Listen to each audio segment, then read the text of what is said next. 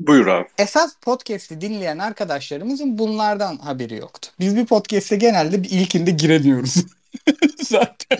O 5 klasiği oldu. Ama Sezon şeyi, yaşayacağız. şeyi hep koruyorduk. O kötü oldu. Sanki ilk defa girmişçesine heyecanlı hep yapıyorduk. Şimdi o foya tabii o, o kadar olmaz. Saatimizi de alalım. Podcast'i dinleyenler için time kodumuzu da yazalım aslanlar gibi. 1, 2, 3.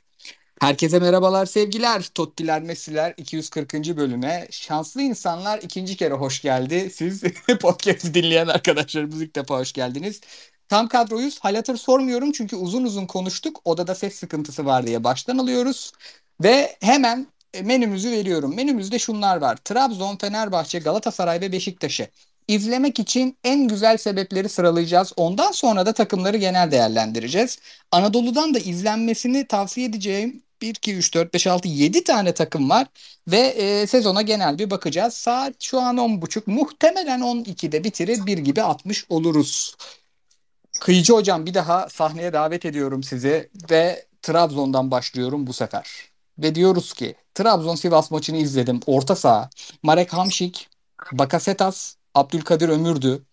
Yani Sivas sezona yavaş giriyor genelde Rıza, Rıza Hoca'nın takımları. Okey ama bu orta saha yine de zorlanır dedim. Ama abi çok tek taraflı maç oldu gerçekten. Adamlar sanki kendileriyle maç yaptı yani. Almanya Suudi Arabistan maçı gibiydi bazı kısımları.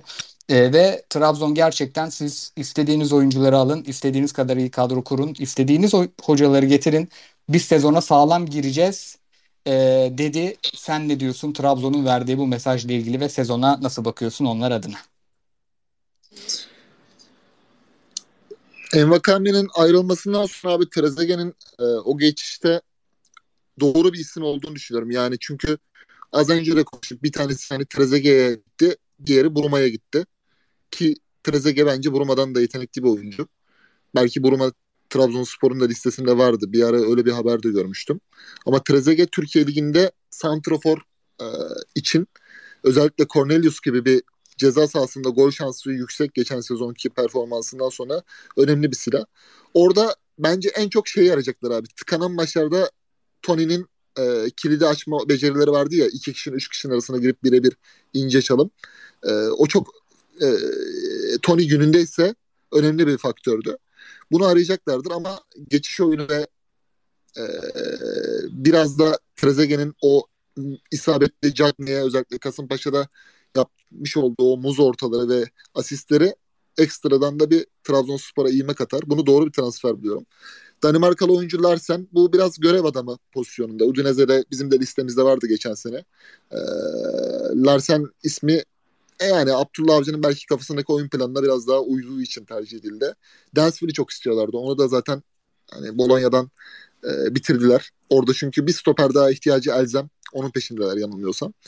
Ben çok fazla oyunu değiştireceğini düşünmüyorum. Biraz hani e, Trezeguet üstünden gideceklerdir bu seneki hücum aksiyonlarında. Ama hala ben iki transferin gerekli olduğunu düşünüyorum. Süper Lig için olsun, Şampiyonlar Ligi için olsun. Bunu hep konuştuk abi. Galatasaray'ın e, en zonzeli sezonunda da Beşiktaş'ın geçen sezonki Pjanic transferine rağmen Şampiyonlar Ligi lig tabii, tabii ki Şampiyonlar Ligi'ne Kopenhag eşleşmesinden çıkan neticeye göre devam ederlerse zaten lazım. Ama yine de bence alınması lazım. Çünkü Berat Siopis tamam bir sezon şampiyonluk yaşayan bir ikili. E, zaman zaman oraya Dorukan'ı da alıyordun ama şimdi e, oradaki bu sene işler daha zor. Rakiplerin güçlendi. Senin geçen seneki oyun planın dahi belli bir noktadan sonra tartışılmaya başlandı hatırlarsan. Yani çok da şey güllük gülistanlık gitmedi özellikle son düzlükte Mart Mart Nisan arası. E, hem oyun orada biraz patlamıştı hem de e, çok beraberlik aldılar. Orada biraz sistem infilakı yaşadılar ama tabii ki elinin de rahat olmasıyla Abdullah Avcı şampiyonluğu kimseye bırakmadı. E, bir oyun dönüşümü yaşayacak mı Abdullah Avcı merak ediyorum. Hani biz Şampiyonlar Ligi için tabii ki hedef koyuyoruz diyor ama önceki Başakşehir'deki performansı o konuda birazcık şey umut verici bir vaka değil. Orada nasıl bir düzeltme iyi gidecekler. Nasıl bir rotasyona sokacaklar takım merak ediyorum. Bir de Bakasetas krizi var malum. Geçen sene o Ekim, Kasım, Aralık arasındaki periyotta 20 puana kadar çıkan, 17-20 puan arası çıkan farkta Bakasetas'ın net bir performansı vardı yatsınamaz. İşte cepheden şutları olsun, takıma olan uyumu olsun, Hamsik'in sakatlandığı dönemde. Ama bu sene biraz kafası karışık. E, kampta da hazırlık maçlarında biraz onu da net hissettirdi. İşte Slovaçko beraberliği Aa. olsun. Tabii tabii. Slovaçko beraberliği olsun. Empoli maçı işte iyi sonuçlar almadılar. E, o krizi de çözmeleri lazım. E, yani geçen seneye göre işler zor. Ama Abi- 3 tane daha transfer yapacağız demiş. Ben şeyi düşünüyordum abi. Batshuayi'yi Abdullah Avcı ister diye düşünüyordum. Geçen sene 15 gol attı. Belki bir 15-20 tane daha kaçırdı ama Cornelius'a yedekleyebilir. Yani Giannini, Cornelius, Batshuayi sezona girmek isteyebilir diye düşünüyordum. Hakeza Batshuayi Emre Berezoğlu da istiyordu Başakşehir'e. O transfer şimdi rafa kalktı. Yine bir forvet peşindeler. Umut Bozok ismini duyuyoruz yerli. Hatta Galatasaray'la Trabzonspor'un yakın bilgisi var olduğunu öğrendik. Ee, Umut Bozok da alınabilecek bir oyuncu yani yerli kontenjanından. Abi Bakasetas'a hakikaten şey oldum ya. Çünkü bu, bu sene işte yaz sezonunda Galatasaray'a bir sürü on numara yazıldı ya. Ben Instat'a bu oyuncuları yazdığım zaman genelde karşılaştırmalı yapıyorum istatistikleri. Şey yapıyorum. Hangi oyuncuysa işte atıyorum Amine Harit diyelim yazdıkları. Harit'in yanına e, bir tane diğer alternatifi yazıyorum. İşte Halil Harit mi? E, atıyorum kimdi? Evander mi? Bir tane bizim takımda işte Galatasaray'da biz Galatasaraylıyız bilmeyen varsa söyleyeyim. E, Galatasaray'da o pozisyonu en iyi oynayan kim? Geçen sene yoktu. Birini sıkıyorum. Çıkıldav ne yapmış diyorum işte atıyorum. Ondan sonra bir de ligin en iyisini yazıyorum. Ona hep Bakasetas'ı yazdım. Abi Bakasetas Talisca dahil herkesten daha etkinmiş bak. Bütün istatistiklerde yani sahanın içinde gördüğünden de iyi herifin yaptıkları. Maç başına 35-40 pas yapıp 25-30 gol katkısı yapmak çok enteresan bir şey yani. Çok dominant bir performans göstermiş. Ben izlerken o kadarını fark etmiyordum. Ee, yani baya şey e, Mart'tan beri şeyde ama yani. abi askıda. Mart'ta Ma- ya Şubat Mart Nisan arası askıda. Kontrat mı abi derdi? Bence teklif var. Onu, Yani- tabii bunları Yani bilemiyoruz. şamp- ben adam misyonumu tamamla tamamlayıp gitmek istiyorum bile olabilir yani o altındaki süreç. Ee, Anladım. Abdullah Avcı da hani şimdi biraz hamşik var elinde tabii ki. Hem Bakasetas'a hem hamşik. Orada O da bir ay yok. Sakatlandı. O da o da tabii abi 36 yaşında neticede. Ki bir de hani aynı performansı geçen sezonki girişi beklemek de absürt olur abi. Geçen sene bambaşka bir şekilde girdiler lige. Hani aynı şeyi yine yaparlar diye önemli olmadan devam edersen o sıkıntılarla karşılaşmazsın yani. O zaman Fritz'e şöyle döneyim. Abi e, şimdi benim Trabzonspor'da hani en merak ettiğimiz şeyleri sıralıyoruz ya izlemek için en heyecanlı olduğumuz şeyleri. Şimdi e, Abdullah Avcı Başakşehir'de başarısız bir Avrupa sezonu geçirip bunu bir ayda ligdeki iyi bir performansla unutturabiliyordu zaten bir e, taraftarı da yok. E, camiayı işte yöneticileri başka bir moda sokabiliyordu. Ama e, şimdi Trabzon başka bir yer. Şimdi orada Şampiyonlar Ligi ki çok çok da zor bir takımda çekmediler. Şampiyonlar Ligi'nde başka beklentiler var. E, sence bu Abdullah Avcı'nın oynatacağı bu sezon oyunu etkiler mi? Adam sezona 3 tane 10 numarayla e, orta sahayı kurarak başladı. O yüzden çok e, merak ediyorum Avrupa performansını bu takım. Abi önce mikrofonu kapatabilmemiz burada müthiş olmuş. İki dakikadır şeye gülüyorum. Pozitif şeylerden bahsederek başlayalım dedin. Kıyıcı Fener'de de Trabzon'da da sadece negatif bastın. Negatif şeyleri konuşacağımız zaman ne, nelerden bahsedecek onu merak ediyorum. Hocam bu pilot bölüm. Sen biliyorsun biz yani 10 maç galibiyet serisi yaş- yaşamış takımları nasıl astık kestik. Bizim ahkamımız başka ahkama benzemez. Abi sorunun cevabı şey ya yani e, geçen sene şampiyonluk tam bir Abdullah Avcı şampiyonluğu oldu ama sadece Trabzon camiası değil herhangi bir camiada ikinci sezonda da o özellikle 7. 8. haftadan itibaren başlayan oyun devam ederse ben Şampiyonlar Ligi'nden bağımsız da homurdanmaların başlayacağını düşünüyorum. Yani tamam çok önemliydi bu şampiyonluk gerçekten. Resmen bütün ülkede bir bence bir Trabzonspor ferahlaması oldu yani. Her bir yanda bayraklar, her bir yanda formalı insanlar yazı çok güzel geçirdiler. Yani doyasıya yaşadılar şampiyonluğu. Ama artık en azından oyuna bir tempo gerekiyor. Yani Trabzonspor ve Abdullah Avcı da bence açıklamalarıyla yardımcı olmuyor bu konuda. Yani o yüzden Şampiyonlar Ligi zaten başlı başına bir bela. Ben geçen sene başlarken kadrolara bakarak favorim Trabzon demiştim. Ama normalde Beşiktaş derdim.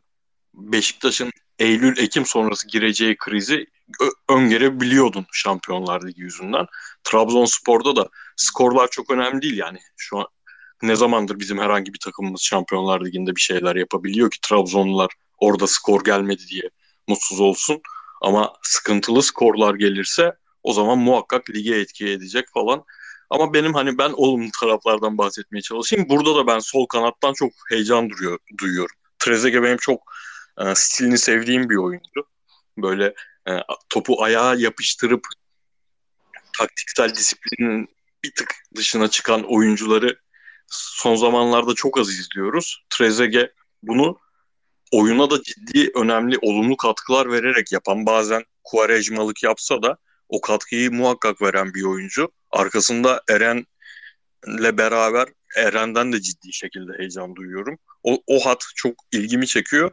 Ee, ama esas merak ettiğim şey tabii ki temponun eklenip eklenmeyeceği. Bunu da orta saha tercihi belirleyecek.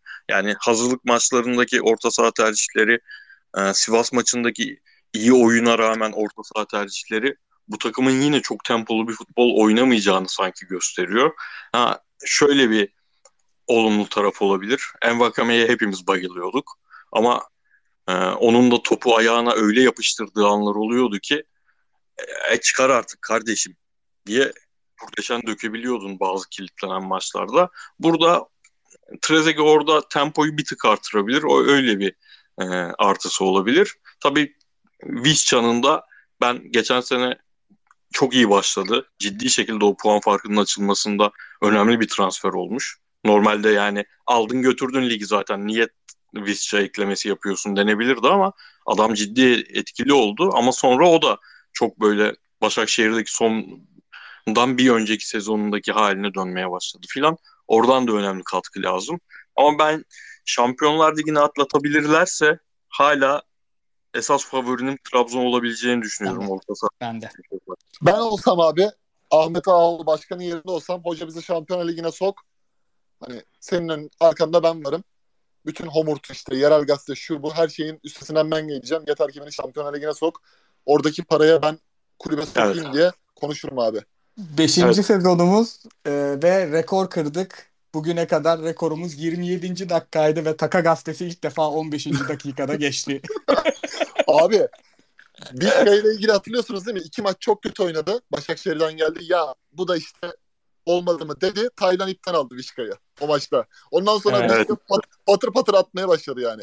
Evet, Geçen evet. seneki olan e, bütün iklim Abdullah Avcı'nın da çok formda sezona girmesi işte doğru transferler her şeyden önce. Abi Hamşiki falan Göteborg'dan. Ben adamın Göteborg'da oynadığını falan da inanmadım. Hani herhalde dedim hazırlık maçı falan değil de öyle şey çıkıyor.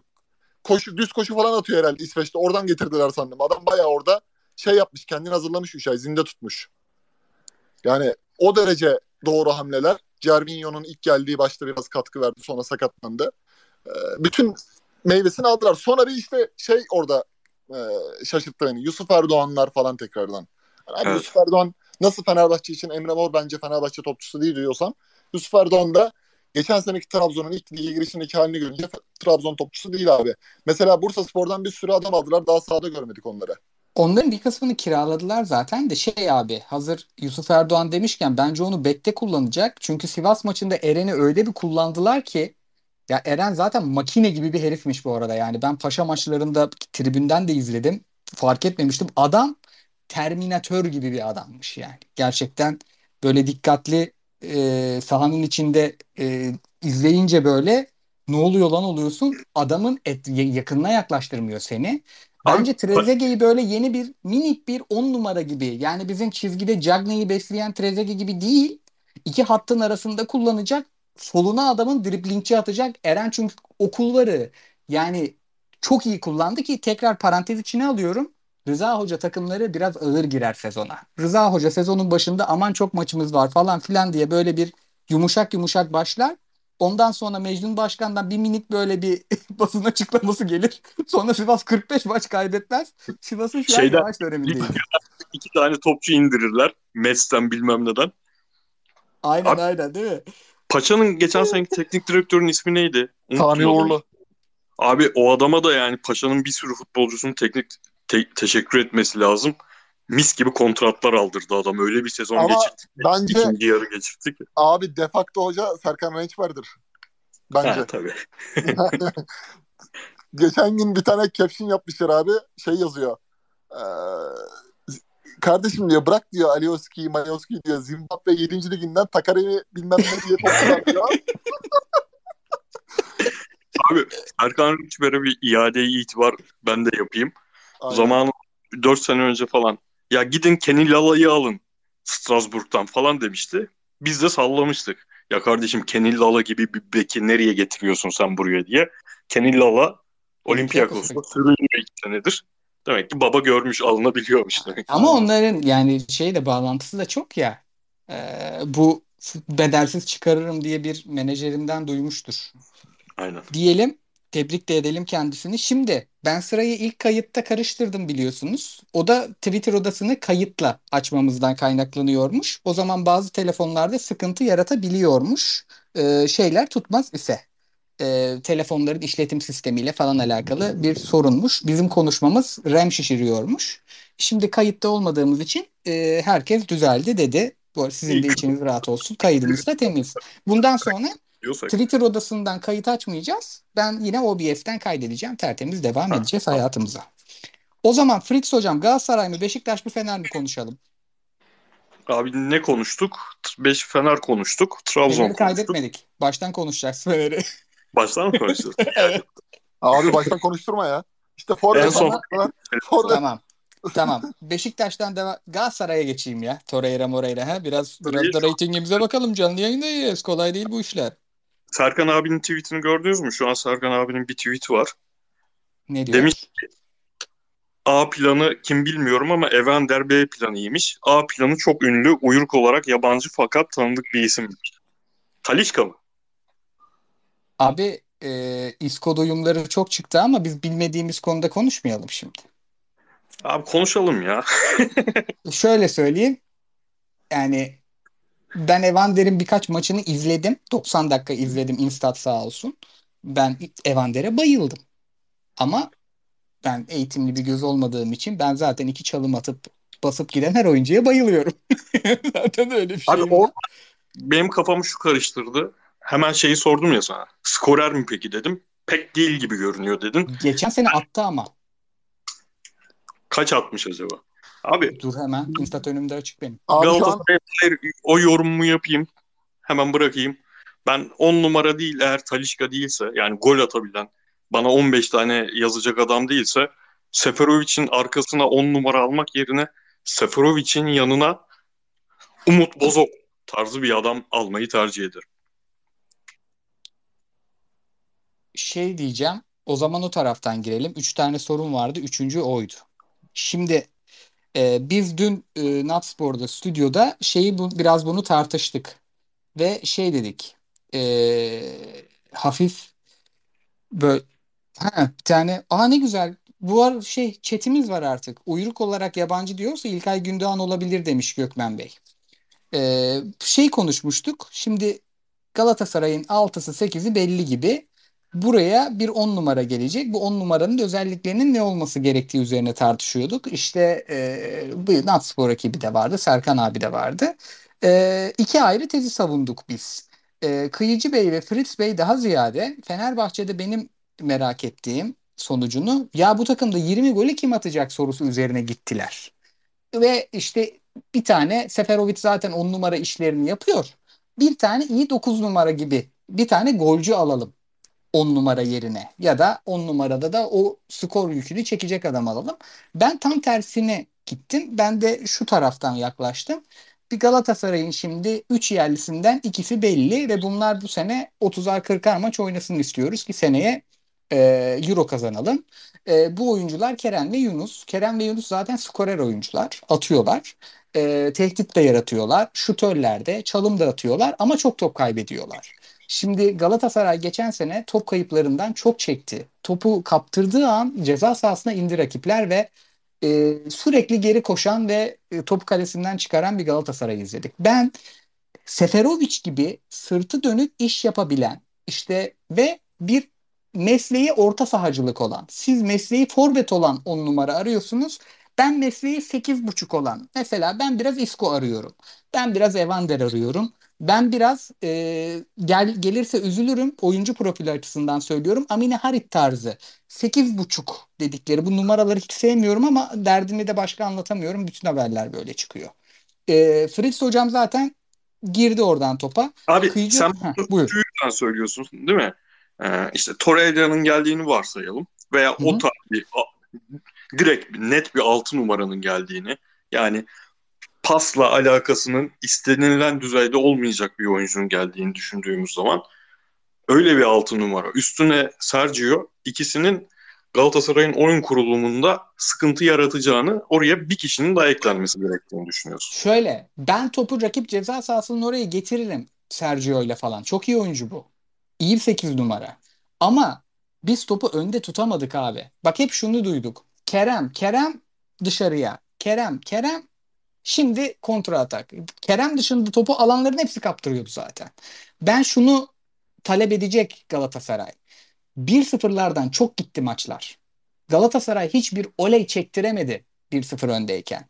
Bu oleyi kendi sahanda çektirmezsin. 10 kişi basar adam. Gidersin arkasına kontra yakalarsın atarsın. Önde de çektirirsin.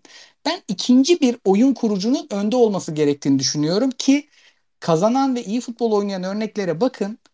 Asgari iki oyuncu hep var abi orta sahada. Bak Oğuzhan var. 10 numarası Talisca ama dediğiniz gibi Talisca eksepsiyon. Trabzon'a bakın yine öyle. Şenol Hoca'nın işte Selçuklu, Kolmanlı, Jajalı takımına bakın öyle. Asgari iki oyun kurucu merkezde var. Çünkü bizim ligde zaten orta sahaların temposu olsa yeteneği sınırlı, yeteneği olsa temposu sınırlı Euro 20 lirayken. E, topu orada tuttuğun zaman o golü herkes atarmış gibi geliyor bana. Diyeyim çok uzattım. Kıyıcı hocama paslayayım. Abi, İkna oldum ben bu arada.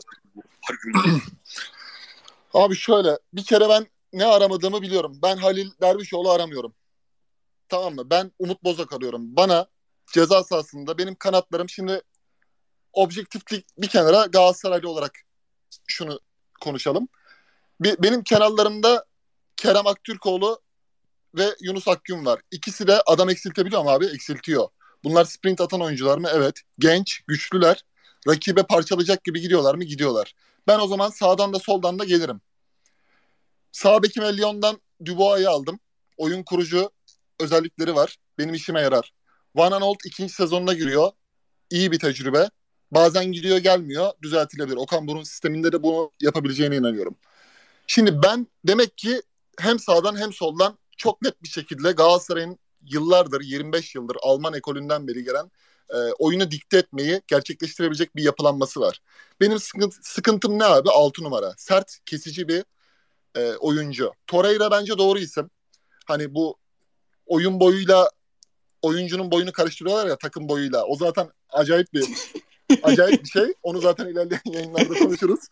Hani e, o noktada şu hani tespit doğru abi. Tedaviye bakmak lazım. Galatasaray geçen sene Taylan Antalyalı'nın formsuzluğu, çok zayıf kalması, oyunu acele edeceğim diye telaş ile paniği karıştırmasından dolayı topu kaptırdığı pozisyonlardan, topu ezdiği pozisyonlardan, geriden oyun kuramadığı pozisyonlardan çok dalga dalga sıkıntılar yaşadı. Berkan Kutlu da keza öyle. Genç oyuncu, dinamik oyuncu ama belli bir belli bir şeye kadar o işleri yapabilir. Yani bir Sergio Oliveira değil veya onun ikamesi Selçuk İnan Prima zamanındaki gibi bir oyuncu değildi. Şimdi biz Sergio Oliveira'yı makul bir e, fiyatla buraya getirdik. Şimdi onun da değerini arttırmak için 6 numara. Yani %95 Galatasaray taraftarının çok net isteği de bu. Teşhis doğru. Ve e, gelen oyuncu da Başakşehir'deki Okan Buruk'un taktik esnekliğine, taktik repertuarını hatırlıyorum abi. Zamanı gelince sezona Malatya Spor maçıyla başladı. 3-0 kaybettiler. Abdullah Avcı'dan sonra ilk maç. Ondan sonra hoca hep 4-1-4-1, 4-4-2, 4-3-3, 4-3-1-2. Her şeyi denedi. Sezonu bitirirken de 4-4-2 oynadı. Kenarlarda Elia, ileride de Crivelli ile Dembaba oynuyordu. 35 yaşında Dembaba ondan fazla gol attı. Yani bütün problemlerini çözmüş bir şekilde pandemiden sonra sezonu bitirdiler, şampiyon tamamladılar. Ve arada da Gulbrandsen işte sürpriz golcüler de işini yapıyordu yani. Mahmut Tekdemir, Tekdemir'in en iyi sezonuydu o sezon. Kariyerinde Abdullah Avcı ile yıllarca çalışmış.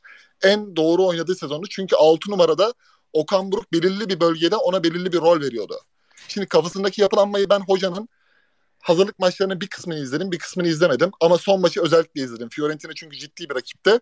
Orada biraz gördüğüm üzere e, hoca teşhisi koymuş. Tedavi için de şimdi doğru ekip arıyor. Doğru ekipmanı arıyor. Bir tane daha şöyle bir düşüncem var. Galatasaray bombacı bir santrafor alırsa abi Seferovic gibi hani adam gelir gelmez rüya gibi yani iki tane imza şey bıraktı kaşı attı yani. Bir Emre Akbaba'yı asisti bir Kerem'e çıkarttığı pas. Yani ben burayı oynatırım. Buradaki etrafımdaki oyuncular işte Pırpır, e, Kerem'dir, Yunus'tur. Hatta 11'de başlarsa Emre Akbaba. Ben bunları alanları açarım. Otobanı açarım. Siz yeter ki diyor öne bir tane güzel bir araba koyun diyor. O güzel arabayı bizim de bulmamız lazım abi. Gomis'e güvenerek olmaz. İşte bence o güzel arabaları kanatta kullanacağız. Biz iki tane uçağımız var. Ee, ve şey e, yani Galatasaray'ın şunu da düşünmek lazım. Ee, Sergio Oliveira bazı dezavantajları olan bir oyuncu. O kadar çok avantajı var ki hele bizim standardında o dezavantajlara bakmadan gözünü karartır alırsın. Bence sezonun en iyi transferlerinden Ben sana bir şey söyleyeyim abi. Galatasaray'a 10 numarada alsan, 6 numarada alsan, nokta santrafor da alsan Okan Buruk'un kafasındaki malzemeyi yani kullanabiliş biçimini düşünerek hepsinden de verim alır diye düşünüyorum. Yeter Evet. ki doğru oyuncular gelsin. Bak bir tane daha santrafor alsa Gomis'e yolları ayırsa hani bugün Nevzat Dindar'ın haberi vardı ya Gomis ayrılmak istiyor. Benim durumum ne olacak falan. Gerçeklik payı olduğunu düşünerek konuşuyorum. Gomis'ten çıksak mesela Umut Bozok Fritz'in dediği gibi ben de beğeniyorum. Türk oyuncu her şeyden önce senin bir şekilde kadrodaki yeni sistemdeki e, federasyonun bir şekilde elini güçlendirir yani. En önde gol vuruşu yapabilir. Oradaki e, Muleka ile beraber sırt dönük oynadığında ona alan açabilir. Topu saklayabilir. Değişik bir oyuncu yani. Zaten o Fritz de çok iyi bilir. Fransa ikinci ligindeyken falan maçlarını izliyordu Umut'un. E, daha Türkiye'ye Kasımpaşa'ya gelmeden. O işleri yapabilir. Ama şunu da yapabilirsin yani yeri geldiği zaman sen Evander'i de alsan bu adam forvet arkasıysa Okan Buruk onu taktik repertuarına bir şekilde sokar abi. 4-4-2'nin solu yapar. 4-3-1-2 oynar onun arkası yapar. Yani bizim elimizdeki hoca şey değil yani üçlü savunma oynar bağlı kalır değiştirir değil. Tamamen Evet. takıma göre malzemeyi üreten bir adam ki Galatasaray'ın şu dönemdeki en büyük şansı bu. Yani taktik Evet. esnekliği olması bence çok önemli bir unsur. Şöyle Teşhisleri de ona göre yapıyor. Ben Süper Lig'de bir rüya hoca çizsem şöyle bir rüya hoca çizerim. Ee, bu e, yani Okan Hoca başarılı olur diyeceğim anlamına gelmiyor. Süper Lig çok fazla oyuncu sirkülasyonunun olduğu, dolayısıyla uzun süreli böyle 4-5 yıllık yapıların kurmanın kolay olmadığı bir lig ki öyle lig zaten çok da kalmadı, öyle takım da kalmadı. Premier Lig'de bile bir buçuk yılda gidiyor hocalar artık. Tabii tabii. Yani ben o zaman şunu isterim teknik direktörümden. Ço- çok fazla e, oyununda çok kompleks bir oyun olmasın. Basit prensipler üzerinden ilerleyelim ki çabuk öğrenelim. Ee, tavanımız çok yüksek olmak zorunda değil. Biz zaten sana Messi'leri getiremeyeceğiz. Ama sahaya iyi bir oyun koyabilelim. Çünkü kötü oynadığı zaman Türkiye'de taraftar da gelmiyor. Ya şampiyonluğa gideceksin ya iyi oynayacaksın. Çünkü her şey pahalı. İkincisi bak ben senden basit şeyleri isterim. Ama bir de şunu isterim. Çok dizilişli oynayabil. Neden biliyor musun? Ben transfer piyasasından senin istediğin mevkilere en iyi oyuncuları bulamayabilirim. Ben dünyanın en iyi 5 ligi arasında yokum. Onda inşallah varımdır. Ben en iyi bulduğumu, tuttuğumu getireceğim sana. O yüzden bana her dizilişi o prensiplerle oynatabil. Bir de şunu isterim. Ya baba biz asgari 14-15 yabancı ile oynuyoruz. 14 yabancı kanun şeyi çıkınca, e, kuralı çıkınca benim kadromda 19 tane yabancı oluyor. Sen bunları oynatamayacaksın ama çalıştıracaksın. Ben sende birkaç tane de yabancı dil isterim. Ha, ama bunlar da yetmez. Ben bir de sen Türk ol isterim. Neden? E, Ben bu topçuların parasını ödemeyeceğim. Şimdi Sen onları da idare et. Bu adam Sen- hepsini karşılıyor ya. sen şimdi öyle sırada söyledin ya aklıma sucu, sucu geldi. Karı da istiyor musun diye. Aynen oraya gidiyor iş. Ve Okan Buruk bunların birçoğunu karşılıyor. Bak başarılı olur olamaz bilemem. Başarılı olmak için model bu demiyorum. Ama ben bir Türk kulüp başkanı olsam bunları talep ederim. Yani yapacakların ya bunların hepsini yaşamayan kulüp yok ki. Bak Beşiktaş'a neleri kaybediyor, neden kaybediyor? Fenerbahçe'ye bak, şuna bak, buna bak. 35 yabancı var birinde. Paralar ödenmiyor çoğunda. İstediği oyuncuları alamıyor hemen hemen hepsi. Yani Okan Buruk'un şu an istedikleri geliyor gibi gözüküyor ama hoca gerçekten umut veriyor. Onu soracaktım. Onu da Fritz hocama sorayım. Hocam siz Okan Buruk'u pek sevmiyor ama bu görevi hak ettiğini düşünüyordunuz. En son e, ne düşünüyorsunuz hazırlık dönemi hakkında? Abi oyunculuk dönemi e, oyunculuğu değil, saha içinde yaptıkları değil ama saha dışındaki açıklamaları falan benim biliyorsunuz genel o Florya tayfasına 96-2000 kadrosunun bir soğukluğum vardır. Okan Buruk da o gençlik dönemindeki açıklamaları nedeniyle bu Beşiktaş muhabbetinden falan bahsetmiyorum. Daha Florya'daki yarattıkları atmosfer ve bence Arda Turan jenerasyonu zehirlemeleri. Onların elinde büyüdüğü için o çocuklar o çocukları bence zehirlediler ve Arda Turan'ın böyle birine dönüşmesinin sebeplerinden biri. O yüzden soğuktum. Ama abi bu adam Akisar'la çok çok dar bir kadroyla e, zevk veren bir futbol oynatmış, kupa kazanmış, iki sene ligde tutmuş. Başakşehir'le tamam Başakşehir projesi bitti dediği herkesin hem fikir olduğu. Yani Galatasaray'a üst üste iki şampiyonluk verdi. Hocasını gönderdi. 7 sene çalışan hocasını gönderdi. Bu takım artık bitti. Proje takımıydı. Bitti denilen sezon. Sezonu çok kötü bitirmesine rağmen şampiyon yaptı.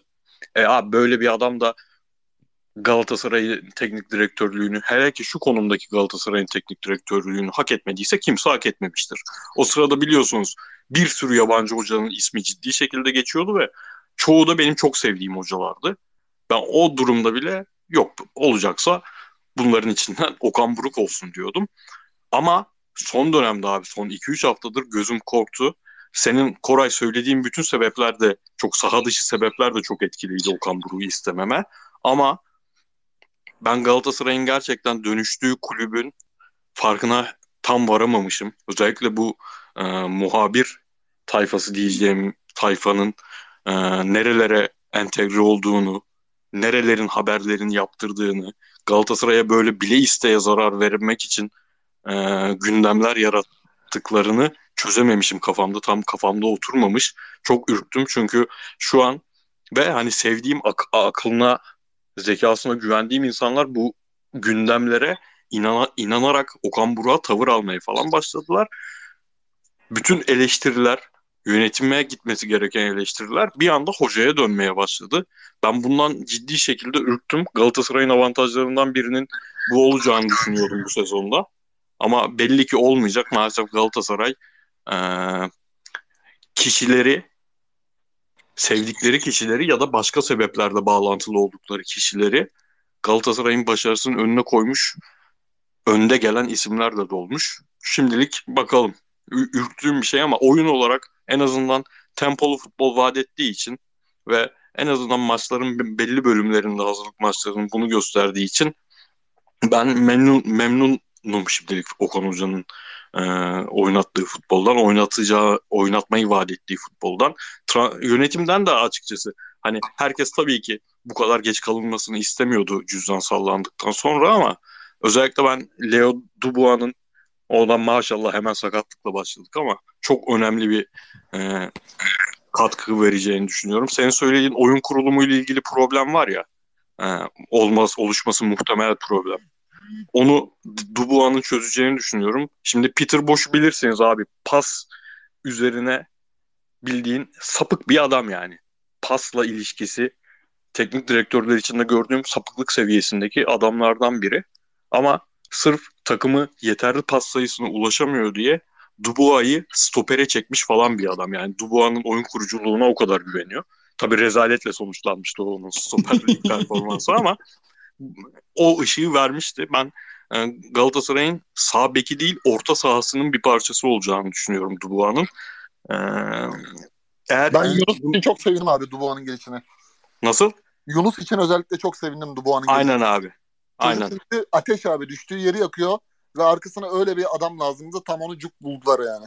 Aynen ama yani Yunus'un da Kerem'in de bu sezon kesin kez yani özellikle ben Kerem'i bayağı seviyorum. İkisinin de bu e, topsuz oyundaki problemleri çözmesi lazım.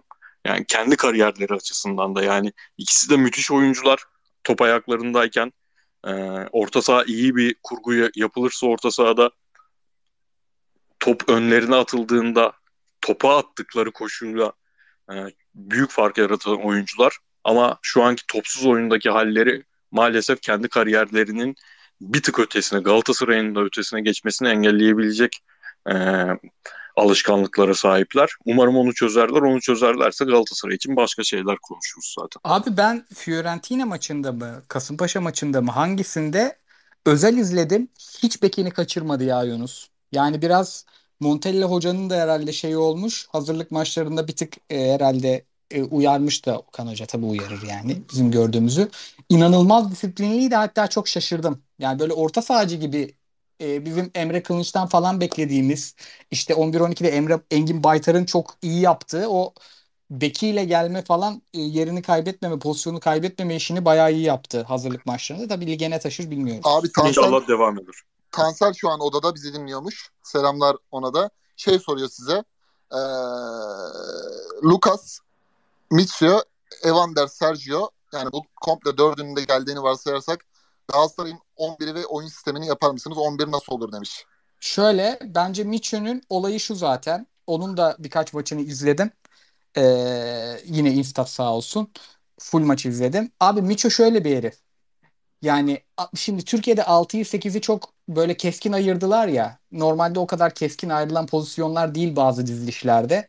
Biz e, Okan Buruk 10 numarada baktığına ve Emre Akbaba'yı her maçta kullandığına göre Galatasaray 10 numaralı bir sistem oynayacak. 10 numaralı sistemde 6 ile 8 çok ayrışmıyorlar. Yani millet Miço'yu çok pozisyonunu bulamamış. 6-8 arası bağlantı oyuncusu falan dedi biz de dalga geçtik ya. Aslında o insanlar izledikleri maçta haklılar. Bu adamın hakikaten 6 mı 8 mi olduğunu maç içinde fark edemiyorsunuz. Isı haritasına falan bak. Herif her yerde çünkü. Yani adam gerçekten sürekli mesafe kat eden ve top neredeyse orada gezen bir oyuncu. Abi, Dolayısıyla sen rakibine göre e, Torreira'nın yerine de oynatırsın, Sergio'nun yerine de oynatırsın ama kim olursa olsun bence yedeği olacak o. Onda, Evet, evet. Önünde de 10 numara olacak bir tane. abi maaşı 1 milyonun altında değil mi onun? Evet 975 kağıt. Tamam. Ben- tam, tam, tam sallamayalım diye sınırda tutmuşlar. Dursun Başkanı da bu Abi şimdi şu da ama var. Torreira Sergio ikilisini hani biri sert biri topla aşırı neşir olması öne e, dikine oynaması falan çok uyumlu bir ikili gibi duruyor kağıt üstünde. E, ritimlerini bulursa. Arkaya da bir tane Kuzeyli'ye hani stepne koymak çok mantıklı geliyor. Bak burada da mesela yapılanmada doğru işler olduğunu görebiliyoruz yani. Neticede AZ Alkmaar'da 5 sene düzenli Evet. sakatlık problemi olmadan oynamış. Düşük profilli ama e, hani Michael Carrick için Manchester United'da derlerdi ya görünmeyen işleri yapan. Bu da hani ben de gıcık olurdum. e, yani işte bu da o stil biraz böyle görünmeyen işleri kovalayan. Abi herkes de general olmasın zaten. Bir, bir iki tane böyle asker lazım arkaya. Abi Hani- tutmazsa tutmazsa maaşı sebebiyle çok rahat çıkarsın. Bu Bir de oyuncu boşaltma. yönetmediler mi ya? Hani bu Nasıl? adamın adı düşünce şey dediler. Evet bunu alacaklar ama bir tane daha alacaklar. Hani o o şeyi iyi yönettiler. Yani yoksa millet kabarmış ulan. Evet, İdrisa evet. Guaye'den nereye geldik biz diye. Yani Ki yine çok büyük, büyük konuşmayalım yine. Miço ile kapa- kapanırsa transfer yine. Bir artık bizden bilmezler abi. Abi ama işte en kötü senaryoda devre arasında yollarsın gider.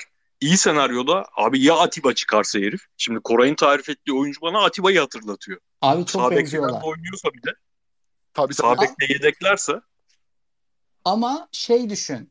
Yani Atiba çok daha e, oyunun içinde kafayı kullanan bir adam. Bu herif şey içgüdüleriyle oynuyor biraz. Ya bu arada bu takımlarla da ilgilidir. Yani Mitchell'ün oyun zekası düşük demiyorum. Galatasaray orta sahasında şu an sok en akil adam olabilir yani herif. Alkmaar'ın oyun tarzı biraz öyle diyeyim. Yani o tarzın içinde daha uçarı, daha topun olduğu her yerde olan, daha böyle yaptığı hareketi çok tahmin edemiyorsun. Ama herif bilerek oynuyor yani belli. tamamdır. Diyelim Fener'e mi dönüyoruz? Aa Beşiktaş konuşmadık. Beşiktaş konuşalım. Fenerli arkadaşlarımıza da tekrar sebebini söyleyelim. Biz aslında en başta Fenerbahçe'yi 15-20 dakika konuştuk ama bu kardeşiniz pilot bölümde tabii ki ilk kayıtta beceremediği için o işleri eee, baştan alıyoruz. Fener'i yine konuşacağız ama 42. dakikadayız. Bu sefer dördüncü ilk konuşmuştuk son konuşacağız güzel konuşacağız. Abi Beşiktaş benim bu konsepte karar vermeme sebep takım. Çünkü ben Beşiktaş'ta Gezzal, Muleka, Vegors üçlüsünü babacım ben izleyeceğim ya. Diyecek ki mesela hanım o saatte Koray sinemaya gidelim. Yok diyeceğim güzel yarim. Yarın gidelim ama Gezzal, Muleka, Vegors'u bir izleyip öyle gidelim diyeceğim. İnanılmaz heyecanlıyım abi bu üçlüye. Koşucu var. Skorer var. Topu atacak adam var. Oyun kurucu var. indirecek var. Oyun kurucu var. Arkasında da iki tane roket gibi bek var. Rozier Masuaku. Masuaku'yu çok sevmiyor bizim futbol kamuoyumuz ama ben hastasıyım herif. Çok kabiliyetli bir herif. Bir tane Dinamo gibi Getson var.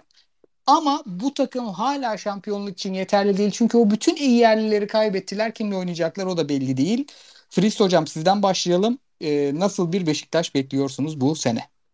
Abi 20 gün önce şampiyonluk favorim bu sene Beşiktaş'tı. Henüz hoca ile ilgili sıkıntılar daha yuka çıkmamıştı. Rıdvan takımdaydı, Emirhan takımdaydı. İyi bir stoper eklemesiyle bir numaralı favorim Beşiktaş olurdu. Josef de çok e, doğru zamanda sakatlandı diye düşünüyordum. Çünkü eklemeyi hemen yapabilirsin falan. O ekleme gelmedi. Rıdvan gitti, Emirhan gitti. Hocadan bir anda dörtlüye dönüyorum açıklaması geldi. Bir hazırlık maçlarını izledim.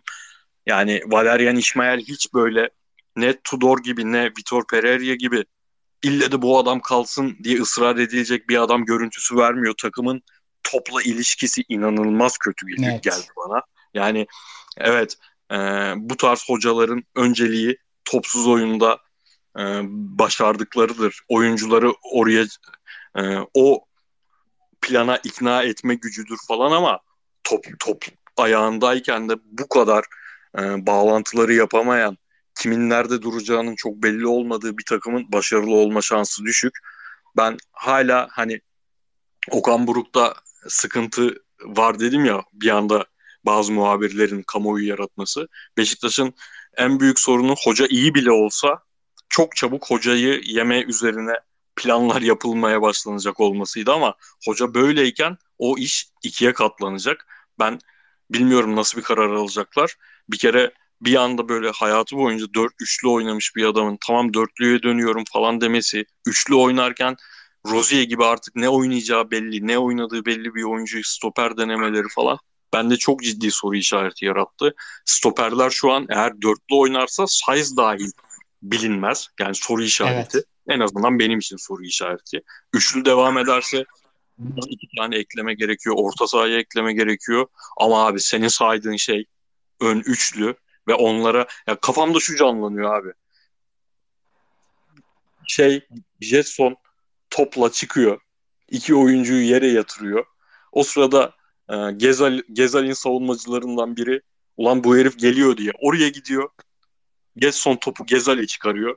Bunu izlemek arka direkte e, Muleka bekliyor. Ön tarafta Weghorst. Bunu izlemek şu an belki de e, benim lig için bir numaralı e, motivasyon konum. En merak ettiğim şey bu üçlünün neler yapacağı. Ama şu ana kadar hocanın e, yetersizliği hayal kırıklığı o, o açıdan. Şimdi Kıyıcı hocama da şeyi söyleyeceğim. Bu arada abi şeyde net katılıyorum. Topla çok kötüler ya. Yani doldur boşalt oynuyorlar ilk dakikadan itibaren ve hemen Abi, önde basalıkçılık böyle enteresan bir oyun. Ne yapıyor bunlar diye bir yarım saat çözemiyorsun zaten. 45'te abi, takım değişiyor. Hem, hem yabancı hoca hem üçlü oynaması bir yandan Tudor'u bir yandan e, Vitor Pereira üzerinde örnek vereyim istedim başlarken ama veremiyorum yani. Ne Tudor ne Pereira hücum konusunda toplu oyunda yani topu ayağına aldığın zaman ki planlarıyla çok fersah fersah ötesindeydi. O zaman Kıyıcı hocama şunu soracağım. Abi bu e, abiler e, sezon başından beri üçlü çalışıyor. Sezon başından beri özellikle Joseph gittikten sonra da Emirhan e, Getson ikilisi üzerinden alt, arkada 3 stoperle bir plan kurmak istiyorlar. Bu e, mantıklı bir plan. Bir de solda Rıdvan varken yani kalede Ersin varken çok fazla yerli sıkıntısı çekmeyecek bir takımdı Beşiktaş. Emirhan gitti, Rıdvan gitti. Sayıs e, iyileşiyormuş ama diğer stoperler de belli değil neden değil. Sol bekin yerli olmayınca Masuaka olunca Montero'yu oynatman da çok zorlaşıyor. Yani e, bu takım hem e, stoper işini hem de yerli işini nasıl çözecek sence? Yani Salih'le falan oynayacaklarını hiç sanmıyorum ben. Ah, abi şöyle yani özellikle Beşiktaş'ın yıllardır süre gelen bir forvet işini doğru zamanda çözme, doğru isimlere gitme stratejisi var ya. Onun yine bence e, en doğru zamanda doğru yerde Vegas'ı bitirdiler. Önemli bir golcü. Hollanda milli oyuncu. Hani Wolfsburg döneminde zaten iyi biliyoruz. Burnley'de de artık hani e, biraz Şenol Güneş taktiği kes ortayı Vegas'ta oluyordu yani. Hani Caner 50 tane orta yapıyordu ya Beşiktaş'ta son dönemlerinde.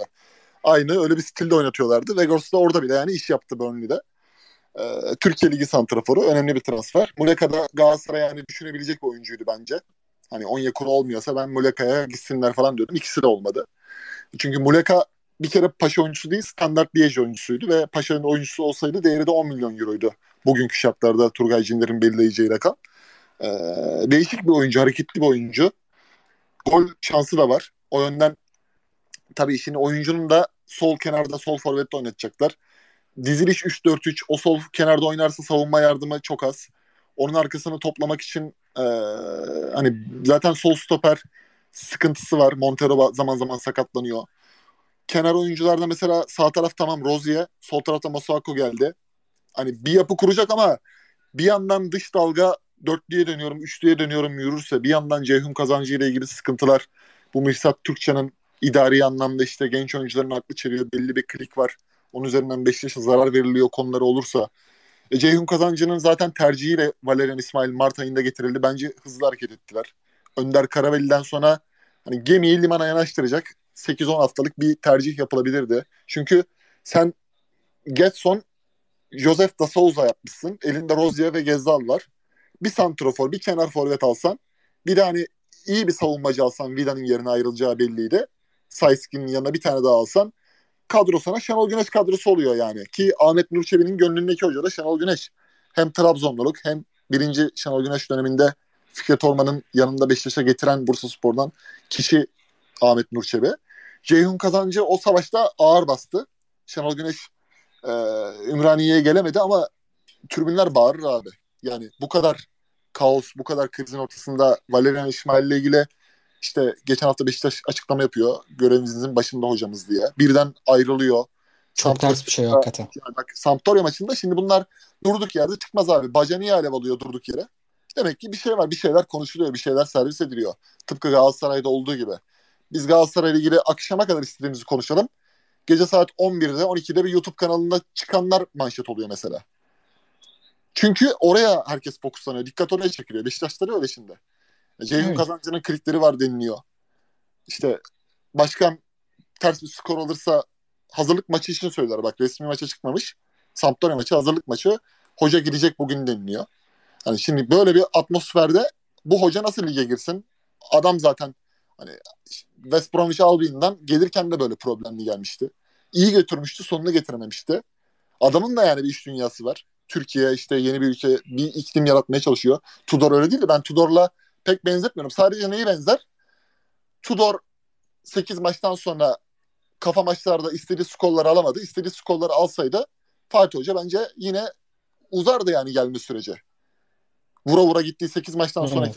yaşanan süreçte istediği neticeleri alsaydı devam ederdi Tudor. Ya bir de o da Tudor'un da e, tecrübesi şu anki tecrübe değildi o zaman hocalıkta. Tabii tabii. İlla ki onda hataları olmuştur tabii, şeyde. Mutlaka mutlaka. Şimdi ama işte Şenol Güneş boştu abi. Bu defa da millet şey diyor yani bize iki tane şampiyonluk yaşattı. UEFA'da Lyon'la çeyrek finalde oynadık. Yarı finale çıkıyorduk. Şampiyon Ligi'nde gruptan lider çıktık yani. İsmi bağırılır abi buna engel olamazsın. Taraftarın da ağzını susturamazsın. Bir şey sorayım mı? Sergen Yalçın'ın da ismi bağırılabilir ya. Abi Rıza Çalınmay'ın da bağırılır.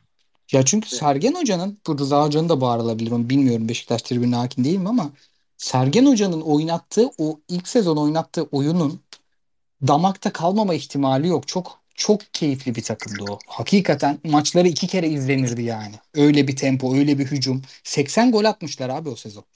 Tabii. Tabii abi yani işte bak Abdullah Avcı'nın geldiğinde bir ürkeklik vardı ya Sivas Spor'a 3-0 yenildiler. Emre Kılıç harika iki gol atmıştı Sivas'taki maç. Başlarken kötü başlayınca abi büyük takımlarda rüzgar hani çok az düzelten vardır. Bir Christoph Daum vardır bildiğim. Daum Fenerbahçe'nin ilk döneminde İstanbul Spor 3-0 yenilmişti. Orada bir Aziz Silin yediler. Aziz Silin'den sonra toparladılar yani. 9 puan 8 puan geriden. Aykut Hoca. Aykut Hoca'yı da analım o konuda. Aykut Hoca Başladı. Alex krizinden sonra galip çıktı mesela abi. Ee, Aykut Hoca'nın o dönemi. Galatasaray'ın da 11-12 kötü başlangıç. Hani Eboe'nin sol açık, Uyfalüzü'nün sağ bek oynadığı dönemler. Hoca baktı olmuyor mesela. Orada hemen başka bir şey yaptı. Direkt ee, biçer döverle girdi. Orada çözdü mevzuyu. Yani İsmail o şeyi de vermiyor, ışığı da vermiyor. Mesela Tudor'un Ostersund maçından sonra bu takımı iki hafta sonra görün deyip de transferler geldikten sonra makineyi yağladığı bir maç var ya Kayseri. 4 yani öyle bir refleks de göstermiyor takım. Şimdi ben biliyorum abi Kayseri maçında Çağdaş Hoca hani Luna Parklarda boks makineleri var ya vuruyorsun geri geliyor. Aynı onun gibi Kayseri vurup vurup geri gelecek abi. Dalga dalga Beşiktaş'ın üstüne gelecek yani. İzledik. Kampından attığı golleri izledik. Çağdaş Hoca da böyle bayılır yani. İmza atacağım maç olsun da ben oynatayım diye bayılır yani. Abi, abi Kayseri kadroyu hiç değiştirmemiş bir de. Yani transfer yasağı var. Kimseyi 11 satmayacak. Kayseri'nin abi transfer yasağı var. Çağdaş Hoca şey diye gitti. Yani bu kadro korunacaksa gelirim. Bir de satış yapacaksanız Kimse gelmem gitmeyecek. baştan konuşalım. Evet. Onur'u o yüzden alamadı Galatasaray. gereksiz bir bilgi vereyim. Adis Yahovic Bodrum Spor'a gitmiş. Abi herif İzmir, Antalya, Bodrum maşallah turne. Abi şöyle söyleyeyim bak Adis Güzelbahçe'de oturuyordu. Bizim hem dükkan hem e, ev, Ha. evim yani. 15 yıldır orada yaşıyorum ben. Adis'i tanımayan nargileci yoktu Güzelbahçe'de. Kral yaşıyor. Ya Araya herkes bir de- Malatya Konya attırdı ama Abi herkes de şey der. Çocuklarıyla gelir falan der. Sanki böyle iyi bir şeymiş gibi. Nargileciye çocukları getirmesi çok pozitif bir şeymiş gibi. Çok iyi aile babasıdır. Hep çocuklarıyla gelir der. Sağ, şeye benziyor. Sağ dışında melek gibidir derler diye. aynen aynen. tam Beşiktaş'ı bitirdik. Duayen Şenol Güneş fanı Sör Çakmak aramıza geldi. Abi bu Sör Çakmak Valerian Hoca'yı yiyecek. Ben size söyleyeyim. Evet evet. Felaket yükleniyor. Yalnız Klikler bak burada. Ceyhun kazancı 3 tane indirince bunlar hemen bir aslında iyi adammış lan falan kafasına girdi. Orada. Ama şey bence bak hala Weghorst'u ve Muleka'yı bu kadar hızlı bitirmeleri çok önemli başarı bu ekonomide. Abi çok iyi başladılar zaten. Ben orada tav oldum. Tamam ya bunlar benim şampiyonluk adayım diye de. Abi size diğer takımlara da döneriz. Beşiktaş için sorayım. Üç tane yerli kim olur bu takımda? Hepsini konuşalım bunu. Fener'e öyle geçelim hatta. Tamam. Kale Kale- Ersin. Kaleci. Kale kesin Ersin. Aynen. Serdar Saatçi affedildi ama oynamaz bence. Emirhan, e, Emirhan diyorum. Emrecan diyorlar şeyin yanına, Evet. Saiz'in yanına. Bence Evet. Necip abi oynar gene. Hı, Necip oynar değil mi Emrecan yerine? Necip oynar ya. Zaten Ama- şu an i- iki bek yabancı.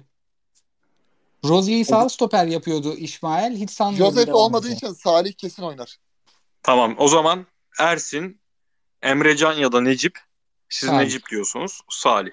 Tamamdır. Hadi. Zayıf. Maalesef zayıf. Çok zayıf abi. Bayağı- e, bir de bunlardan biri bak Ersin'in başı ağrısa kulüp krize giriyor. Gerçi Beşiktaş'ın yedek kalecisi de çok genç, çok iyi bir çocukmuş Rozier'in yedeği kim abi? girmez. Gerçi Rozier sakatlanmayan bir oyuncu da. Hakikaten sağ bek yedeği kimdi Beşiktaş'ın? Bir sene sağ bek yedeksiz oynadılar zaten.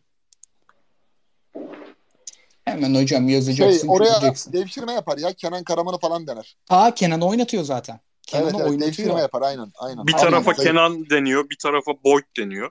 Evet, Ben Beşiktaş'ı yani Beşiktaşlı arkadaşlarımla konuşurken bu sene Kenan bayağı maç oynar diyorlar hep. Yokluktan oynar ama işte. İşte. Yo- Niye oynuyormuş? Ben iki maçlarını izledim. Onlarda çok göremedim. Bir de şey var ya Cenk Tosun var. O da arada girer. Sola Muyeka, Muyeka oynamaz. Ya da e, işte ikisinden biri cezalı olduğunda Cenk doldurur orayı. Valla abi şey büyük başarı. Geçen sene podcast'in son bölümlerinde hep konuştuğumuz seneye hangi takım yerliler anlamında daha avantajlı başlar? İlk sıraya Beşiktaş'ı söylüyorduk. Şu an bütün takımların gerisine düştüler. Vallahi helal olsun. Bir de sözleşme yenilediler Emrehan'la falan. Ona rağmen gerisine düştüler. Ama işte ne zaman yenilediler abi öyle öyle yanlış zamanda oyuncu artık e, kendini gösterdikten sonra bütün ipler ondayken yenilediler. Ama Beşiktaşlılar Kerem Yunus Bunun- olay olmasa Abi bu numarayı yemedi. Galatasaray mesela çok gereksiz işte ayrılan oyunculara, gençlere herkes küfürler müfürler ediyor. Beşiktaşlılar yönetime yüklendi bu konuda. Yani ben üzüldüm, ciddi üzüldüm ya. Hem Rıdvan'ın hem bu kadar erken gitmediler, gitmemeliler abi. Tabii ki Vallahi. gitsinler. Tabii ki hedefleri Avrupa olsun ama bu kadar erken değil ya. Rıdvan da çok özel oyuncu be. Hastasıyım. abi Van Bronckhorst çağırırsa giderim ya. Tanımam yani. Nasıl? Van Bronckhorst beni takımına isterse ben de sol beksem giderim abi. Abi doğru. ama ama abi çok zor yetişiyor be. Yani bir On- tane sol beki 15 senede çıkardı bu ülke. O da 21 yaşında gidiyor yani. Şimdi sen ben çok güzel bir yere şey. değindin abi Türk mevzusundan. Şimdi ben Galatasaray'ı düşünüyorum. Galatasaray'ın kenarlar yabancı olsaydı ayvayı yemiştik ya. Ortada gene Berkan Tabii canım. Net ya. Abi bak ben kendi adıma öz eleştirimi vereyim. 3 sene önce izlediğim Yunus'un ben büyük takım futbolcusu olacağını düşünmüyordum. Ama Adana Demir dönemi öyle yaradı ki çocuğa bir anda benim için piyangodan çıktı. Şimdi orada oraya yabancı falan arıyor olsak bu sefer iki stoperi mi Türk yapacağız? Muslera'yı gönderip Okan'a mı bırakacağız kaleyi falan bir sürü e, karmaşık durum ortaya çıkacaktı. Ondan kurtardı yani. Kerem, Yunus, Abdülkerim değil mi biz dedik? Evet evet net Galatasaray'ın net bence. Trabzon'da Ömür oynar. Ömür'ü e, hangi rolde oynatacak merak ediyorum. Ömür Ama- 2-8'den biriydi 4-3-3'te Sivas maçında. Derinde Hamşik vardı. Berat Uğurcan. oynar abi. Uğurcan, Ömür. Bence Berat değil Dorukan oynar. Bir de kaleci Bence Dorukan işte. sağ bekte oynar. Ha gerçi Larsen geldi doğru. Larsen Dorukan? geldi abi. Sivas maçında Dorukan nerede oynadı biliyor musunuz? Sağ stoper. Stoper aynen aynen Dorukan'ı. stoper oynattı. Yani o lig için bence ana plan olmaz da ben yine bir şekilde Berat'ın alacağını düşünüyorum formayı abi. O zaman e, Trabzon konuştuk, Galatasaray'ı konuştuk yerleri. Hadi Fenerbahçe'nin 3 yerlisini sayarak başlayalım. Sonra aynı soruları bir daha soracağım size. Başlayalım. Altay. Altay kesin. Bu arada orada Şirigu ile görüşüyorlarmış. E, Türk kulüp yöneticileri yabancı sınırı varken yapmaması gereken tek şeyi de yapıyor ve yerlinin yedeğini yabancı yapıyor. Tebrik ediyoruz bütün kulüp yöneticilerimizi. Abi Kimisi ben kalede, kimisi çok. Fener'e girmeden Fener'in şu anki kadroyu hızlı bir şekilde sayacağım bak kısaca. Kaç Tamam. kişi? Sayamayacağım daha doğrusu da okuyacağım. Altay, Ertuğrul, olursa Sirigu, Osayi, Burak Kapacak, Nazım Sangare, Henrique Tisserand, Serdar Aziz Kolkır, Zalaya, Luan Perez, Lemos takımda bu hala. Alioski, Ferdi Novak, Arao, İsmail Crespo, İrfan Can, Emre Mor, Pelkas, Mert Hakan, Arda Güler, Zayt, Lincoln, Rossi, Buruma, Muhammed Kapacak, Valencia, Joshua King, Samatta, Serdar Dursun, Hoa Pedro, Berisha, Thiago Çukur. Bir de üstüne Charlotte olursa Charlotte veya Playa. Abi Vale- bu nedir ya? Bu kadroya kim yakışırdı biliyor musun? Onun eksikliği hissediliyor. Werner Laurent mı? Zanka Zanka. Zanka. Zanka nasıl Aynen. olmaz bu kadronun içinde ya? Çok Adil enteresan. Rami falan. Kaç kişiler şu an? 37 oyuncu var. Abi Ve daha bu gelmesi gereken iki kişi var. Abi çok şişirmişler ya. Bu nedir ya? Ama Abi şu Emre Mor, Emre Mor falan o kadar gereksiz transfer ki. ben mesela Jorge Jesus gelip de hadi Emre Mor'u alalım mı dedi. Ne dedi hiç anlamıyorum. Abi Emre Mor nasıl bir büyü var ya? Yani 7 tane Karagümrük maçı performansıyla nasıl kendini tekrar atabiliyor? İnsanlar Evet. ne bileyim bize gelirken de mesela acayip bir hype vardı. Hoca bunu acayip oynatır falan abi oynamaz oynamıyor adam yok. Metin Tekin'in güzel bir lafı var. Hayal kurdurur diyor ya. Hayal kurduruyor işte. Hadi gelin Fener'e 11 yapalım. Altay. 4-1-3-2 dizelim. 4 ben dur ben dizmeden anlamıyorum. Benim kafam sizin gibi kadar çalışmıyor ki bu işlere. 4-1-3 2 yazdım defterim. Kale Altay. Sol bekimiz herhalde şu an artık Alioski. Alioski. Konuşacağız. Bence iyi transfer. Ee, sol stoperimiz kim? Luan, Luan Perez. Şu an Perez. Atilla şu an ama Hadi gitti Ha. görelim abi. Ona Perez. gitti mi diyelim? Ha, E, gitti abi, diyelim. 7 milyon 6-7 milyon euroyu yedeğe basmazlar zaten. Luan Perez'in yanına mutlaka Serdar oynar. Yer o Henrique'yi falan. Tisserand'ı. Bir de yerli lazım zaten. Çünkü Aynen. önde çok kullanmıyor yerlilerini hoca. Tamam Sağ iki yerli oldu bile zaten. Sağ Aynen. bek Osayi. Osayi. Ben burada stoperde bir yabancı daha bekler miyim? Yok. Tisserand'ı da bildirmiyorlar zaten. Tamam. Aa, Kolkır da duruyormuş hala. Devam ediyorum. Şimdi savunma önünde Arao ki e, bence Kiev maçlarında iyiydi oyuncu. Ya abi o çok hemen meme oldu ya onun e, oyuncuyu kaçırması takibi falan. Bence o pozisyon dışında iki maçta da ben de katılıyorum. Ben bayağı beğendim. Hatta e, ilk maçta özellikle Fenerbahçe çok iyi başladı ama geçişlerde o kadar eksik yakalanıyorlardı ki Olympiakos maçı vardı ya Vitor'un. Acaba o maça mı dönecek? Olympiakos'un her 3 pas yaptığı atak e, kale ağzında sonlanmıştı. Ama bence Arao'nun varlığı nedeniyle hiç öyle bir şeye dönüşmedi. Korktuğum gibi bir şey olmadı. Gayet iyi oynadı Fener maçı. İyi, iyi tamamladı pozisyon vermeden. O yüzden ben de Crespo Zeiss ikilisini çok beğenmeme rağmen Arao sanki net oynayacak gibi duruyor. Ondan sonra katılıyorum. Ee, kırmızı gördü ama ben birkaç hazırlık maçında böyle ne yaptıklarına, çocuğun yaptıklarına baktım. Ee, yüksek de Arao yedekler. Ben Muhtemelen Crespo, Crespo diyorum abi. abi bence Crespo'yu yollayacaklar güzel bir paraya. 10 milyon euro bonservis istiyorlarsa bence gidemez abi. 10 milyon euro Hmm. vermez kimse. Evet o kadar istiyorlarsa dert. Şimdi Arao'nun önüne bir üçlü dizeceğiz. Şimdi bence sol öne Ferdi'yi koyacağız artık. Hı hı. Çünkü Fenerbahçe'de e, ilk kaydımızda da konuştuğumuz bir dert var. Fenerbahçe'nin öndeki beşlisi e, Pedro da sakatken çok top kaybediyor. Ferdi o topu koruyan, o topun değerini bilen bir oyuncu. Ve hepsi Ferdi dışında kalan tercihlerin hepsi ön tarafta kullanılacak tercihlerin hepsi koşu atma üzerinden arka direğe gidip oradan plase bırakma üzerine oynayan oyuncular olacak. Ferdi en azından topu ayağında topu ayağını isteyebilecek, sırtını çizgiye verip oynayabilecek bir oyuncu. Net. Ee, bu bizim kadromuz. O yüzden bu üçlünün ortasına Arda Güler'i yazalım biz. Yazalım abi. Bence de. Arda hem Lincoln'den hem de Mihaz Ays'tan daha yetenekli. Abi Arda ve Güler. adam topçu abi yani. Bak Topçu belli 2000 ediyor kendine. 5. sezonumuz bu. 5 yıldır yapıyorsak 2024'teki podcast'in hayalini kurabiliriz. 2024'te ya acaba bu çocuk Sergen'den yetenekli mi diye soracağım size. Bu kadar inanıyorum o herife ben.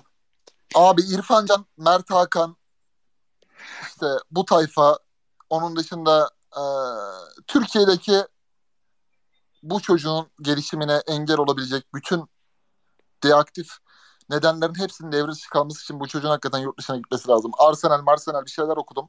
Gerçekten Fener de bu konularda satışta başarılı. Böyle bir şey yaparsa oyuncunun kişisel kariyeri için çok çok büyük bir adım olur. Ya e, Odegaard'ı Odegaard'ı yer abi bu. Hakikaten Odegaard kaptan oldu ha 23 yaşında. Norveç milli takımda da Arsenal'de de. Çocuk herhalde şey saha dışında iyi insan falan diyoruz ya bazılarına. Bu çocuk saha dışında Atatürk falan herhalde. Öyle bir lider yani. 23 yaşında hem milli takımda hem şeyde kaptan Oynar oluyor. abi. Oynar yani. Rahat oynar. Peki Fenerbahçe işte handikapı. benim bu 11'i yapmaktaki sebeplerimden biri bu mevkiydi. 4-1-3-2'nin sağ o üçlünün sağ tarafı. Ben burada cehennem donana kadar İrfan Can'ı yazarım. Siz kimi yazarsınız bilmiyorum. Çünkü ben çok beğeniyorum abi herifi. Top ayağındayken falan hastasıyım oyuncu. Ben Rossi yazarım abi. Sen yeter artık bu kadar top tutan adam. Ben bir tane koşucu istiyorum dedin. Rossi Buruma'yı rekabete sokarım abi. Emre Mor orada formayı alamaz. O zaman şöyle yapalım. Ferdi'yi ters ayakta oynatalım sağda. Rossi'yi sola koyalım kendi mevkisine. Ya da işte üçünü istediğiniz gibi dizin. Tamam Rossi. Fritz hocam. Abi Rossi oynayacaksa bence de solda oynamalı. Sağda yani zaten kaleden uzaklaştıkça iyice değersizleşen bir oyuncu. Mümkün olduğunca kaleye yakın plase bırakacağı noktada tutmak lazım. O yüzden sol. Ya ben İrfan Can'la ilgili sen de aynı şeyleri düşünüyorum ama abi sürekli güvenini boşa çıkartıyor insanın ya. Yani ben bu kadar yeteneğine ihanet eden az oyuncu gördüm son dönemde yerliler içinde. İrfan bundan fazlası ve İrfan Fenerbahçe'nin dengeyi kurması için o dengeli oyunu için çok kritik bir adam. Belki diziliş uymuyor, belki hocanın istediği oyun uymuyor bilmiyorum ama yani bundan hep güvenip güvenip atıyorsun sahaya ve işte iki maç eyvallah. Üçüncü maç olunca yeniden başka bir İrfan iz- izletiyor. Bilmiyorum ama ben de onu atarım. Bir de abi şimdi Fenerbahçe taraftarı gerginken bir oyuncuya takar. Eskiden Selçuk Şahin'e takıyordu. Zaman zaman Ozan Tufan'la uğraştılar. Bu sene en çok dikkat çeken İrfan Can. Yani Abi bu Ozan idare Tufan, etmezler yani. Ozan Tufan'ı iyi dedin. Yani devreye kadar kendini toparlamazsa İrfan direkt Hull City. yani. Abi, tabii şimdi hatırla hazırlık maçında bile Emre Belezoğlu Ozan Tufan'a deli gibi bağırıyordu. De- maç bit- yani soyunma odasına giderken tribün Ozan'ı falan yolluyordu yani. Ozan'la deli gibi uğraştılar ki e, yani çocuk gene bence Fener'de biraz işte kilo problemleri olmasa öyle papazlık şudur budur. Mesut geldikten sonra bir adı karıştı. Ondan önce bile yani elinden geleni yapıyordu. Fener zaten kaotik durumdaydı. Hatırlayın Ersun Yanal'ın 2019 Geri Rodriguez'li kadrosunda oynuyordu yani 6, 6 ay 5 ay oynuyordu. O zaman şeye dönüyorum. 11 bir baştan sayayım. Araya konumuz girdi. On, Kalede 11'de aldı. sıkıntı o- oldu abi ben değiştireceğim 11'imi. Tamam. Ee, şu anlık sen değiştireceğin yerde kes beni. Tamam. Kale Altay, savunma sağdan sola gidiyorum. Osayi, Serdar, Perez, e, Alioski. Önünde Arao. Ee, öndeki önündeki üçlü Ferdi, Rossi, Arda. Burada herhalde değişiklik yapacağım. Ha yok yok tamam yapmayacağım. Tamam. İleri ikili de şu ana kadar oynadığı topla Valencia ve Pedro gözüküyor. Heh, bu sizin değiştireceğiniz biri var mı? Valencia yerine bir Sörlot yazmamız lazım gibi geliyor bana. Evet. Gelecek santraforu Valencia yerine atıyoruz. Bence iyi kadro. Pedro, Galatasaray- Pedro'nun yanına iyi kadro abi Sörlot gelirse. Galatasaray'ın e, Mitcho'da yaşadığı avantaj Fenerbahçe'de yıllardır Valencia'da var. Valencia bu iki forvetin ikisini de aslanlar gibi yedekler. İkisini de aratmaz. 3 maç 5 maç. Çok enteresan bir adam. Hem o skorer forvetin yapacağı içgüdü var herifte. Her sene çok çok gol atmasa da. Hem de o topu tutan servis yapan oyuncunun bazı özellikleri var. O açıdan büyük avantaj Burada- ama Samatta'nın falan abi çıkması lazım. Berisha'nın falan çıkartılması lazım elden. Kesin. Bu kadrodan 15 tane insanın gitmesi lazım. Çok fazla erkeğe istihdam sağlıyor Fenerbahçe. Ama onu becerebilirlerse yani bir şekilde becerecekler yani. Para kaybedip beceri, becermek zorundalar. Ben şey diyordum. E, genel fikrim Fenerbahçe'ye dair normalde geçen sene o tutan düzen işte son 12-13 maç tutan düzen özellikle Crespo Zayt ikilisi üzerinden tutan düzen bunu sil baştan yapmaya bu sefer gerek yoktu. Bu sefer yeni bir kadro kurmaya gerek yoktu Evet. diyordum.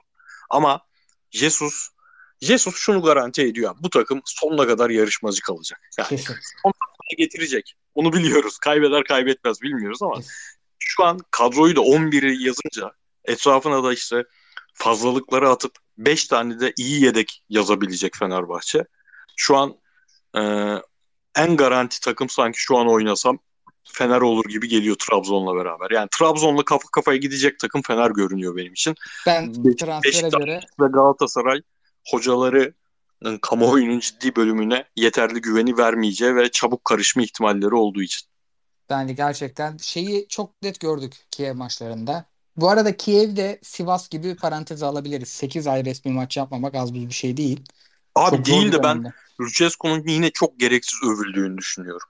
Abi Yani- zaten özellikle ikinci maçı yani Allah verdi Kiev'e. Evet. Böyle bir Evet. cenabetlik Yani- yok ya. Yani gümbür gümbür geliyordu Fener.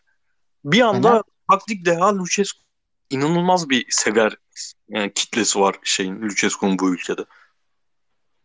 Şey, e, Fenerbahçe şunu sezon başında en iyi yapabilen kulüptü.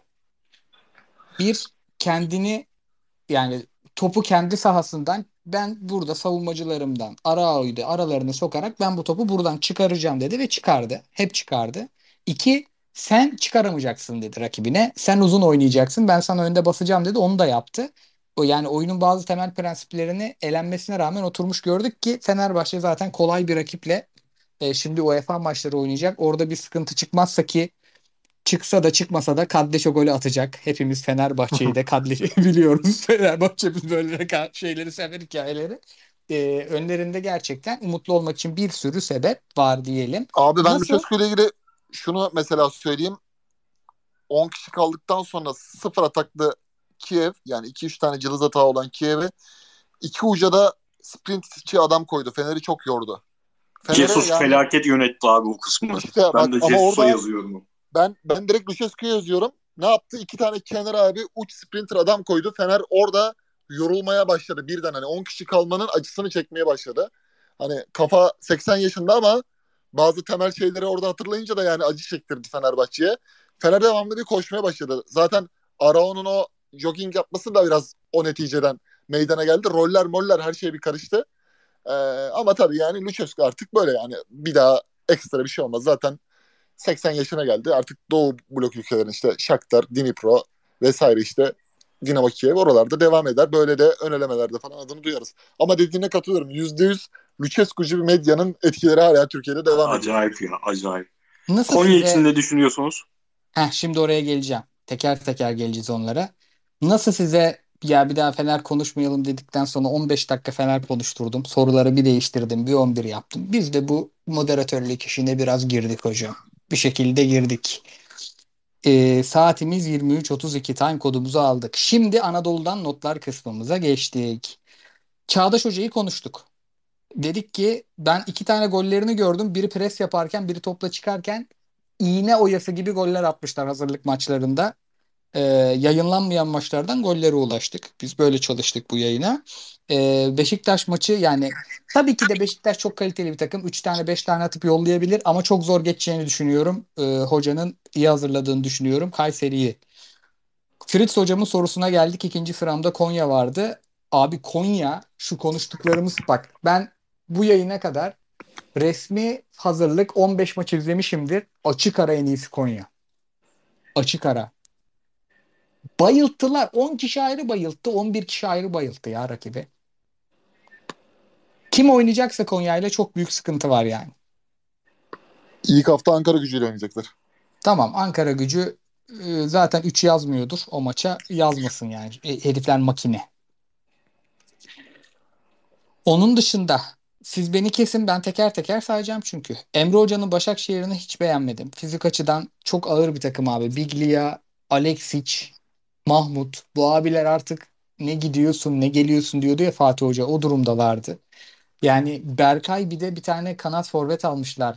Ee, o arkadaş oyuna girince biraz atlet Vişka'dan sonra Serdar Gürler olmadı oraya. Oraya adam bakacaklar. olmadı abi. Olmadı. İki kanadı birebir bırakıyorlar. İki kanatta çok top eziyor. Geri koşamıyorlar. Yani e, pek iyi durumda değil. Şu Başakşehir maçı buldum mu izlemem. Paşa makine. Paşa Galatasaray maçında da çok iyiydi.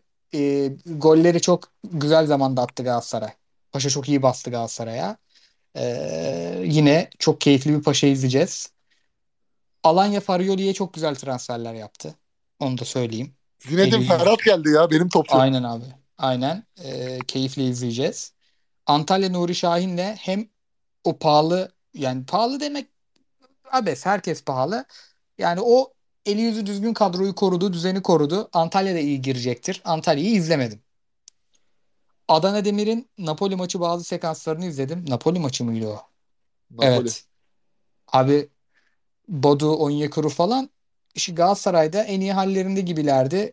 Yani Adana kötü bir Adana Demir maçı izleyeceğimizi de zannetmiyorum. Bak bu- Şeyle ilgili bilgin var mı? Balotelli neden gitmek istiyormuş? Ne olmuş yani? abi oyuncu Dünya Kupası falan için başka lige gitmek istiyor olabilir. Sion'a gitmek takımı istiyormuş abi. Sion nedir ya? paradır. Abi Sion yani neticede para da olsa sana Murat Sancak o parayı veriyor. Murat Sancak 10 milyon euro diyordu. Şimdi 4 milyon euro çıkış maddesi var diyor.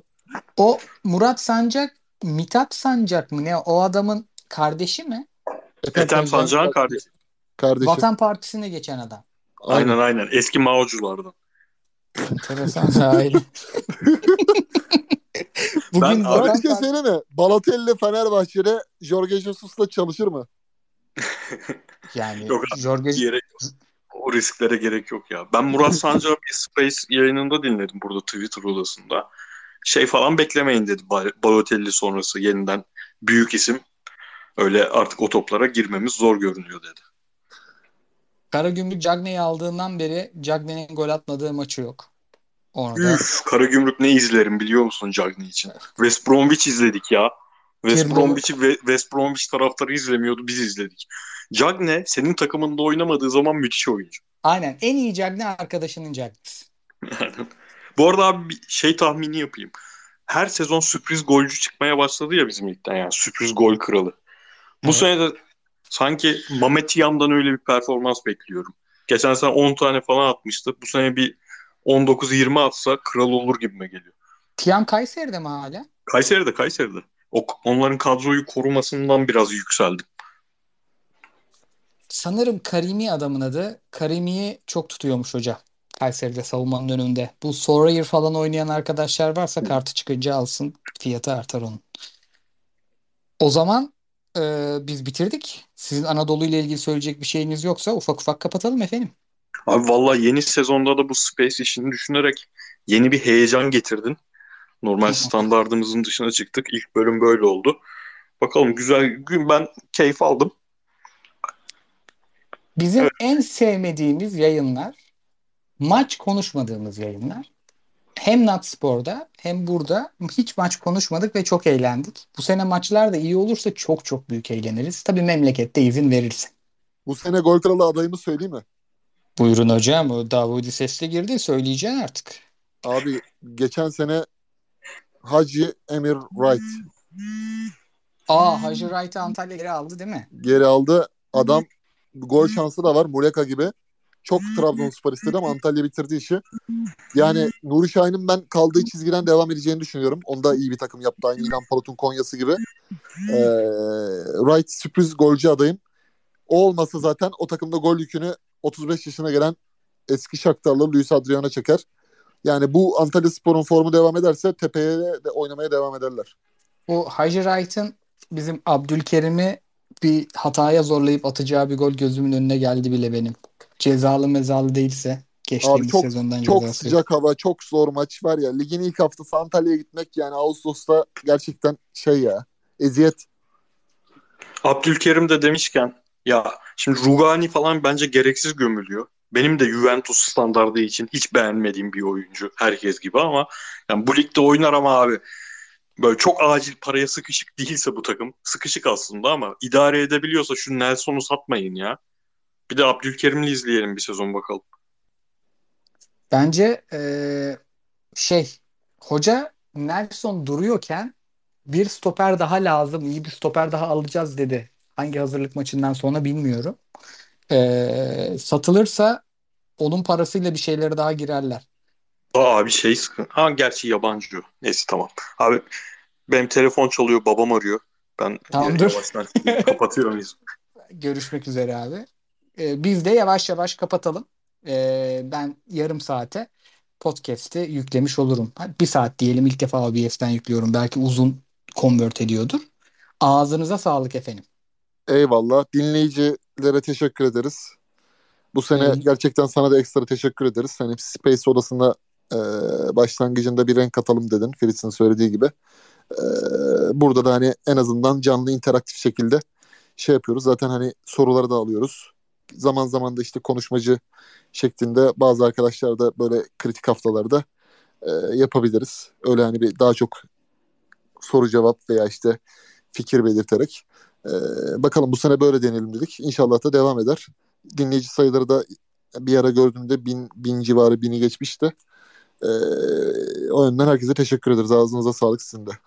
Yani şöyle söyleyeyim biz e, ya bunun kaç dinleniyorsa iyi oluyor diye sorduğunda herkes abi zaten podcast'i dinleyecek insanlar 100 kişi bile yeterli. 100 kişi iyidir demiştim. 110 kişi bekliyordu.